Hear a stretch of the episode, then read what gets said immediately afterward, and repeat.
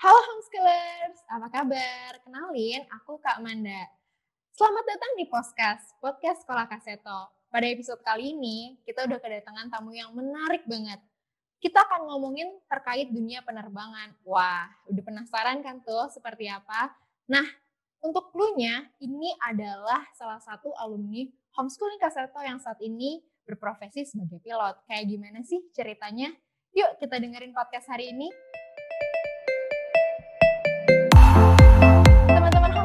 Masih ingat nggak sih dulu waktu masih kecil mungkin kita pengen ya bercita-cita seperti uh, dokter atau insinyur atau pilot. Nah, kita udah kedatangan bintang tamu yang bakal cerita tentang pengalamannya yang berprofesi sebagai pilot. Bintang tamu kali ini merupakan salah satu alumni homeschooling Kaseto tahun 2014. Namanya Kak Leo. Seperti apa kisahnya? Kita langsung panggil yuk. Selamat siang Kak Leo. Halo, apa kabar? Halo juga Kak, kabar baik. Gimana Kak? Kabarnya juga? Alhamdulillah baik. Oke, sebelum kita masuk ke pembahasan dan sharing hari ini, boleh dong ceritain sedikit tentang profil dari Kak Leo. Iya, jadi perkenalkan uh, adik-adik nama saya Rifki Leonanda. Saya dulu kebetulan dari SD kelas 6 tuh di homeschooling Kaseto sampai SMA lulus tahun 2014. Nah, kebetulan tuh saya dari kecil juga apa namanya bertujuan untuk uh, sekolah pilot dan langsung melanjutkan ke Flybase Flight Academy di Batam. Dan setelah lulus dari sini, saya ditarik untuk jadi flight instructor di sekolah saya ini, Flight, uh, Flybase Flight Academy di Batam. Gitu aja sih, Kak. Oke, okay. wah keren banget nih. Tadi disinggung dari kecil emang udah bercita-cita pengen jadi pilot. Ini cocok banget sama bahasan kita. Hari ini pengen ngomongin tentang profesi di dunia kerja. Nah ini pasti bakal inspiratif banget nih karena kalian bakal sharing langsung. Tapi sebelum masuk ke tanya-tanya soal profesi nih Kaleo, uh, pengen tanya nih dulu waktu dari SD kelas 6, ini kan sampai SMA ya, sampai lulus, cukup panjang nih uh, menghabiskan pendidikannya di homeschooling Kaseto. Untuk pertama kali pertimbangannya apa sih memilih jalur pendidikan non formal dan kemudian kenapa nih betah nih di jalur pendidikan non formal di homeschooling Kaseto? Ya, jadi untuk pemilihan di homeschooling KASA itu kan seperti kita mengingat untuk sekolah di Indonesia ini yang formal kan kita mau nggak mau belajar semuanya ya. Tapi untuk kebetulan saya itu orangnya saya mau belajar apa yang saya mau gitu. Jadi tujuan saya apa? Kebetulan kan pilot, jadi yang esensial buat jadi pilot itu apa? Salah satunya ya kalau di homeschooling ini kan kalau kita konsultasi bisa lebih difokuskan. Nah ini yang lain dari yang lain nih daripada sekolah ini. Jadi alasan saya salah satunya sih gara-gara itu juga sih dan juga lebih fleksibel ya, bukan santai juga. Kalau santai itu kesannya gimana? Kalau ini lebih fleksibel, jadi kita bisa konsul lebih fleksibel waktu dan segalanya. Itu alasan saya sih masuk ke homeschooling itu dan akhirnya betah sampai saya lulus SMA. Oke. Okay. gitu. Nah, selama uh, bersekolah ibaratnya di jalur pendidikan non formal seperti homeschooling ini, pernah nggak sih dengar tentang stigma-stigma lulusan dari uh, pendidikan non formal misalnya kayak ah oh, emang bisa ya anak homeschooling seperti ini dan seperti itu pernah nggak sih ada dengar seperti itu? Oh pernah banget salah satunya waktu ibu saya sendiri ditanya sama teman-teman kan uh, anak kamu sekolah di mana di homeschooling. Lalu yang paling pertama itu tanggapannya pasti ngelihat saya. Anak kamu, ya kan stigma orang itu homeschooling itu kan sebenarnya lain ya. Sekolah untuk ber, keber, uh, keber, berkebutuhan khusus sama homeschooling itu beda. Kalau homeschooling kan ya sekolah non formal yang lebih santai segala macam kan. Kalau berkebutuhan khusus kan lain lagi ya. Nah, jadi stigma orang tuh pasti kayak gitu. Jadi dikirain saya berkebutuhan khusus dan uh, tentunya mereka pasti bilang, tapi kamu tetap berteman banyak gak? Ya tetap aja itu kan tergantung individual masing-masing sebenarnya gitu aja sih kak. Jadi stigma-stigma orang itu ya saya cukup mematahkannya dengan ya buktiin aja kalau kita tuh nggak kayak gitu. Nah, Kayak orang bilang gitu. Oke, oke. Nah, kalau boleh tahu, selama ini kan udah panjang nih ya, SMP, SD, SD tingkat akhir, SMP dan SMA, menghabiskan waktu di homeschooling Kaseto. Kira-kira ada nggak sih uh, peristiwa yang sangat mengesankan, yang paling berkesan, paling diingat sampai sekarang? Sebenarnya banyak banget sih kak, kalau misalnya emang mau di uh, apa namanya kita jelajahi satu-satu. Cuman yang mengesankan tuh paling yang lucu-lucu aja sih kak. Saya yang paling inget tuh waktu saya outing ke Pocari Sweat. Oke. Okay. Mungkin kakak-kakak ini nanti yang ngeliat ini juga inget. Waktu itu saya, ya saya kan mau ngeramein aja nih outing kan biar seru gimana. Kebetulan ada games. Game saya itu joget Cesar. Jadi Gimana saya langsung joget Cesar sampai masuk ke Facebooknya Pocari Sweat. Jadi itu gitu yang sampai sekarang masih diinget ya. Ramein iya. acara-acara di homeschooling kaseto. Iya, betul. Oke, nah tadi kita udah sedikit throwback nih momen-momen di homeschooling kaseto. Sekarang pengen tanya-tanya langsung terkait profesi yang uh, saat ini Kak Leo uh, laksanakan ya, lakukan ya. Oke, tadi udah sempat dijelasin Kak, Kak Leo ini adalah junior uh, apa tadi Kak Leo? Uh, junior flight, flight instructor. instructor. Oke, okay. iya. Yeah. Junior flight instructor. Boleh jelasin nggak sih seperti apa sih proses Kak Leo nih dari mungkin SMA, pencarian sekolah kah, uh, kemudian pencarian minat juga, mungkin kan kalau di dunia penerbangan banyak ya Kak Leo ya, ada nggak hanya pilot dan ada jabatan-jabatan uh, yang lain juga. Gimana sih prosesnya Kak Leo nih dari awal lulus SMA sampai akhirnya sekarang sudah berprofesi sebagai junior flight instructor. Iya, untuk uh, perjalanannya sih waktu itu sebenarnya waktu SMA tuh pertamanya emang saya udah bilang ke ibu saya kan saya mau bersekolah pilot gitu. Cuman kan kalau stigma-stigma orang dulu tuh pasti kebetulan kan saya anak laki-laki sendiri ya. Jadi uh, stigma itu pasti kalau anak laki-laki sendiri nggak boleh jadi pilot karena nanti kalau kenapa-napa kan nggak ada gantinya. Kan orang dulu kan stigma kayak gitu. Terus yang kedua biasanya biasanya itu pilot harus IPA nggak bisa dari IPS nah, sementara waktu itu lagi banyaknya uh, mulai banyak sekolah di Indonesia sekolah penerbangan yang uh, swasta karena dia swasta jadi uh, bisa anak IPS juga sebenarnya bisa masuk juga. Karena setelah saya masuk sini pun juga ternyata bukan jaminan juga anak IPA itu lebih menguasai daripada anak IPS gitu loh. Kan balik lagi kita di sini belajar belajar lagi belajar lagi kan. Nah, terus akhirnya uh, ibu saya dapat uh, tawaran untuk bersekolah pilot dan akhirnya saya ngelanjutinnya pertamanya saya di salah satu sekolah swasta di daerah Jawa. Nah, waktu itu ada sedikit kesulitan financial lah. Jadi saya ambil uh, gap year dulu sampai akhirnya di tahun 2017 saya lanjut lagi di Flybase Flight Academy ini di Batam sampai tahun 2018. Lalu saya lulus, saya ada sedikit training tambahan di Jakarta sampai dengan 2019 pertengahan. Lalu saya ditarik kembali ke Flybase Flight Academy untuk menjadi flight instructor. Gitu aja sih kak. Oke. Okay. Perjalanannya. Nah, tapi Kaleo hmm. ini uh, tadi udah sempat dua kali ya menyinggung bahwa dari dulu pengen jadi pilot. Sekarang pertanyaannya apa sih uh, yang melandaskan Kaleo ini pengen banget jadi seorang pilot gitu? Ya, kenapa saya jadi pengen jadi uh, pilot itu salah satunya itu karena emang dari mulai dari SD itu kan saya udah berurusan nih sama yang uh, otomotif otomotif gitu yang beroda kan. Nah jadi untuk suatu profesi apalagi nih yang beroda yang menarik.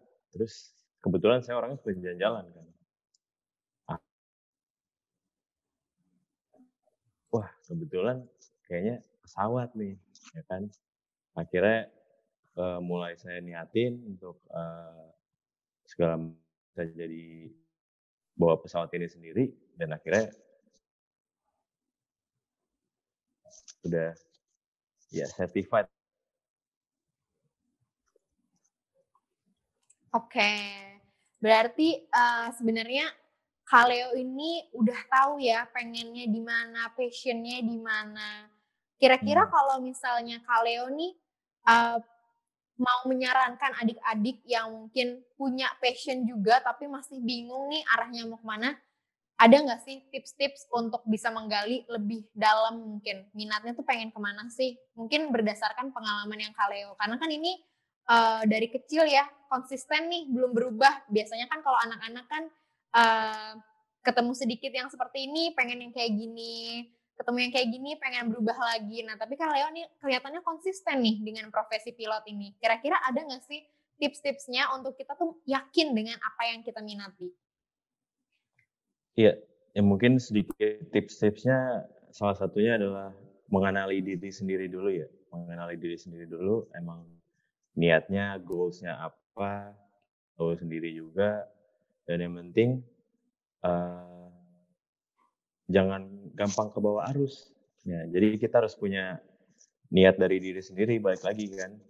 Nah, kalau udah punya niat, ya tinggal dilakuin apa pun itu. Yang penting disiplinnya dijaga terus. Apa pun itu niatnya ya disiplin. Mau ke satu titik ya satu titik aja. Jangan ke mana-mana gitu. Jangan gampang terbawa arus. Biasanya yang gampang ke bawah arus itu kan mungkin dari omongan teman-teman, oh. dari omongan uh, itu biasanya kan gampang tuh jadi keluar arus. Nah, jadi tetap aja sih makanya uh, balik lagi kita harus pertama-tama harus kenalin diri kita dulu. Diri kita dulu kenalin kita sendiri baru nanti kita niatin dan kalau kata orang tinggal dilakonin aja gitu kak. Oke, wah keren banget nih tipsnya. Nah, kita pengen tahu juga nih Kaleo ini berprofesi sebagai pilot atau junior flight instructor ini sudah berapa lama sih? Iya, untuk uh, profesi saya sekarang ini sih kebetulan dihitungnya masih baru lah ya, masih uh, satu tahunan, Kak.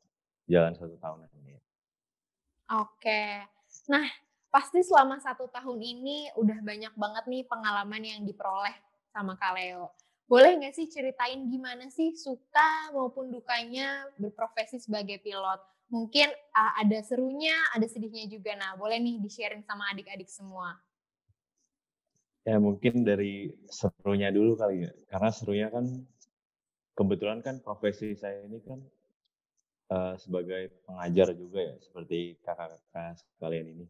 Nah, jadi serunya mungkin ya saya banyak ketemu orang-orang baru juga dan pastinya kan berinteraksi langsung dan kebetulan jalan-jalan juga. Nah, paling kalau sedih-sedihnya sih sebenarnya nggak ada yang disedihin sih, cuman uh, bagian kesulitannya itu di saat ya seperti yang kakak kayak tahu lah ngajarin orang itu kan nggak gampang kak. Oh, Apalagi betul. dalam di udara itu kan kita punya waktu yang sepersekian kecilnya dibanding di darat kan. Jadi kadang ya di situ uh, kesulitannya melatih kesabaran aja sih kak. Dan paling um, salah satu juga yang uh, saya dapat juga nih dari homeschooling uh, dari kakak-kakak sekalian saya banyak belajar juga untuk bagaimana kita menghadapi siswa-siswa kita yang berbeda-beda personality sih kak gitu. Gitu aja sih kak. Oke. okay. Wah, keren banget nih. Kaleo ternyata sekarang udah terjun langsung ikut ngajarin juga ya. Jadi nggak hanya berprofesi sebagai pilot, tapi juga sebagai pengajar. Kalau pengajar ini, boleh dijelasin nggak sih Kaleo sedikit tentang uh, seperti apa sih, apa saja yang mungkin diajarkan, dan bagaimana uh, sistem pembelajarannya gitu. Iya, untuk uh, pengajar pilot sendiri kan basically kan kita ini ngajarin orang uh, ngajarin orang terbang. Jadi ya sama aja kayak kakak-kakak gitu, kita nanti ada kelas, ada ujian, habis itu nanti untuk yang prakteknya ya nanti kita ada di masuk ke simulator, nanti kita ada, kita ada terbang juga. Nah, untuk mendapatkan satu lisensi itu kita ada requirements jam dan requirement skill tertentu di dalam stage-stage itu. Jadi ya basically nanti kita itu mengajarkan dan mengguidance siswa yang mau mendapatkan sertifikat pilot ini untuk uh, meets di requirements sih. Jadi untuk mendapatkan requirements untuk menjadi private pilot, untuk menjadi commercial pilot, untuk menjadi instrument rated, kita mengguide dia. Itu aja sih kak. Oke, menarik banget. Nah, ini uh, juga ini sih pertanyaan pribadi nih Kaleo ya, karena penasaran banget gitu. Kalau di dunia penerbangan sendiri ini uh, apakah pilot itu juga ada jenis-jenisnya? Mungkin kalau di mungkin di medis ya, di kedokteran kita kan ada dokter penyakit dalam, ada dokter spesialis jantung, kemudian dokter kebidanan itu kan punya spesialisasi masing-masing. Apakah kalau di dunia penerbangan mungkin kalau pilot Airbus hanya boleh menerbangkan jenis Airbus aja atau apa apakah ada tipe-tipe seperti itu atau bagaimana kalian? Iya. Kebetulan di uh, kita itu untuk lisensi kita itu uh, dibagi-bagi kan. Ada yang untuk mesin tunggal, ada yang untuk mesin uh, multi atau lebih dari satu gitu kan. Nah itu kita harus ada ibaratnya itu uh, ngambil sertifikatnya lagi gitu. Nggak bisa sembarangan oh saya pilot saya bisa bawa jet yang besar itu ya nggak bisa juga. Jadi ibaratnya kalau uh, seperti kedokteran kita harus ngambil spesialisnya dulu. Jadi kalau saya ini hanya untuk uh, mesin tunggal dan uh, saya ini terbatas hanya flight instructor saja. Tapi kalau misalnya nanti saya terbang di maskapai misalkan ya seperti ada alumni SKS juga yang sudah terbang di maskapai ya nanti uh, saya nanti spesialis lagi bahwa untuk uh, membawa pesawat berbadan narrow body dan jet airplanes dan juga uh, multi engines seperti itu pak. Oke, nah kalau untuk sekolahnya sendiri rata-rata uh, tuh berapa lama sih pendidikannya untuk bisa dapat lisensi itu? Uh, jadi lisensi itu kan bermacam-macam ya. Jadi paling singkat itu untuk ke private pilot license. Itu dia limitasinya adalah dia boleh bawa penumpang tapi tidak boleh untuk di hire atau dibayar. Nah, itu paling itu yang paling singkat itu kira-kira 3 sampai 4 bulan dari teorinya sampai ke prakteknya. Karena di sini kan yang lumayan lama itu biasanya di prakteknya kak karena kan kita nggak tahu kondisi cuacanya mungkin lagi uh, limit untuk kita terbang segala macam kan nah itu approximately ya 3 sampai 4 lah tapi bisa lama bisa lebih lama lagi tergantung dari kondisi juga cuman yang untuk paket lengkapnya nih PPL, CPL itu Commercial Pilot License, Instrument Rated sampai multi engines itu kira-kira satu tahun lebih sampai dua tahun tergantung kondisinya juga balik lagi seperti itu pak. Oke, jadi sebenarnya mengikuti juga ya durasi uh, license-nya untuk mendapatkan license-nya mengikuti juga spesialisasi spesialisasi apa sih yang mau diambil. Nah, betul. Uh, waktu uh, mendaftarkan diri untuk menjadi sekolah pilot ini, apakah Kak Leo punya kendala terkait dengan uh, ijazah yang dimiliki? Karena kan mungkin ijazahnya non formal ya. Apakah ada kendala nih waktu daftarin awal atau seperti apa sih ceritanya? Iya, untuk kendalanya sih sebenarnya nggak ada ya kak. Itu balik lagi ke kebijakan, kadang-kadang kebijakan dari sekolahnya juga sih. Cuman rata-rata untuk swasta itu kan mereka nggak mikirin ijazah kita itu apa. Nah yang paling penting itu sebenarnya kayak seperti mau masuk pilot itu biasanya ada limitasi mata, itu uh, minusnya nggak boleh lebih dari sekian dan itu tergantung dari company-nya balik lagi.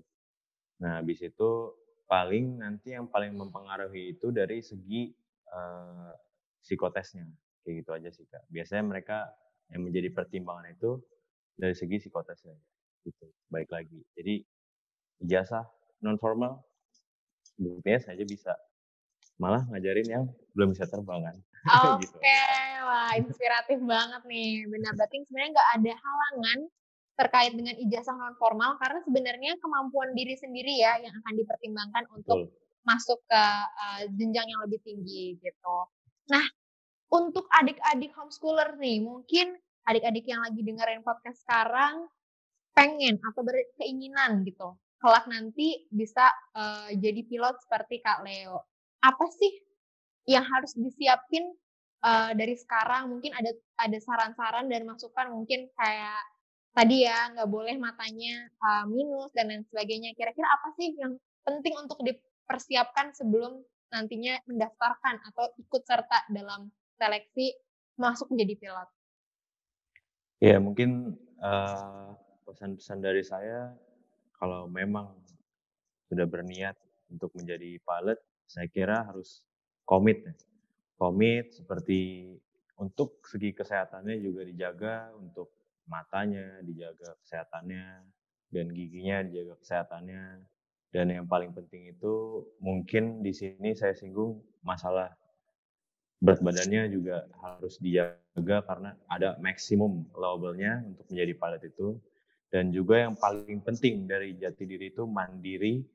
Karena di homeschooling itu kan sebenarnya kita diajarin mandiri. Karena yang sekolah di uh, luar negeri itu sebenarnya kayak homeschooling. Jadi kita tuh diajarinnya mandiri, gak disuapin terus. Soalnya kalau emang punya habit mau belajar disuapin terus, kamu bakal susah jadi pilot kayak gitu loh. Karena kita itu harus ada willingness terus, curiosity, harus penasaran terus, apa pun itu selalu update terus, belajar terus, belajar terus. Ya, jadi harus diniatin, harus mandiri, dan juga harus disiplin, disiplin diri sendiri, seperti dia homeschooling kaseto. Uh, kalau misalnya mengambil distance learning, kalau kita tidak disiplin, pasti kita tidak belajar kan, kan gitu. Sebenarnya kan kita dikasih kepercayaan, tanggung jawab. Nah, di situ harus bertanggung jawab juga dengan diri sendiri.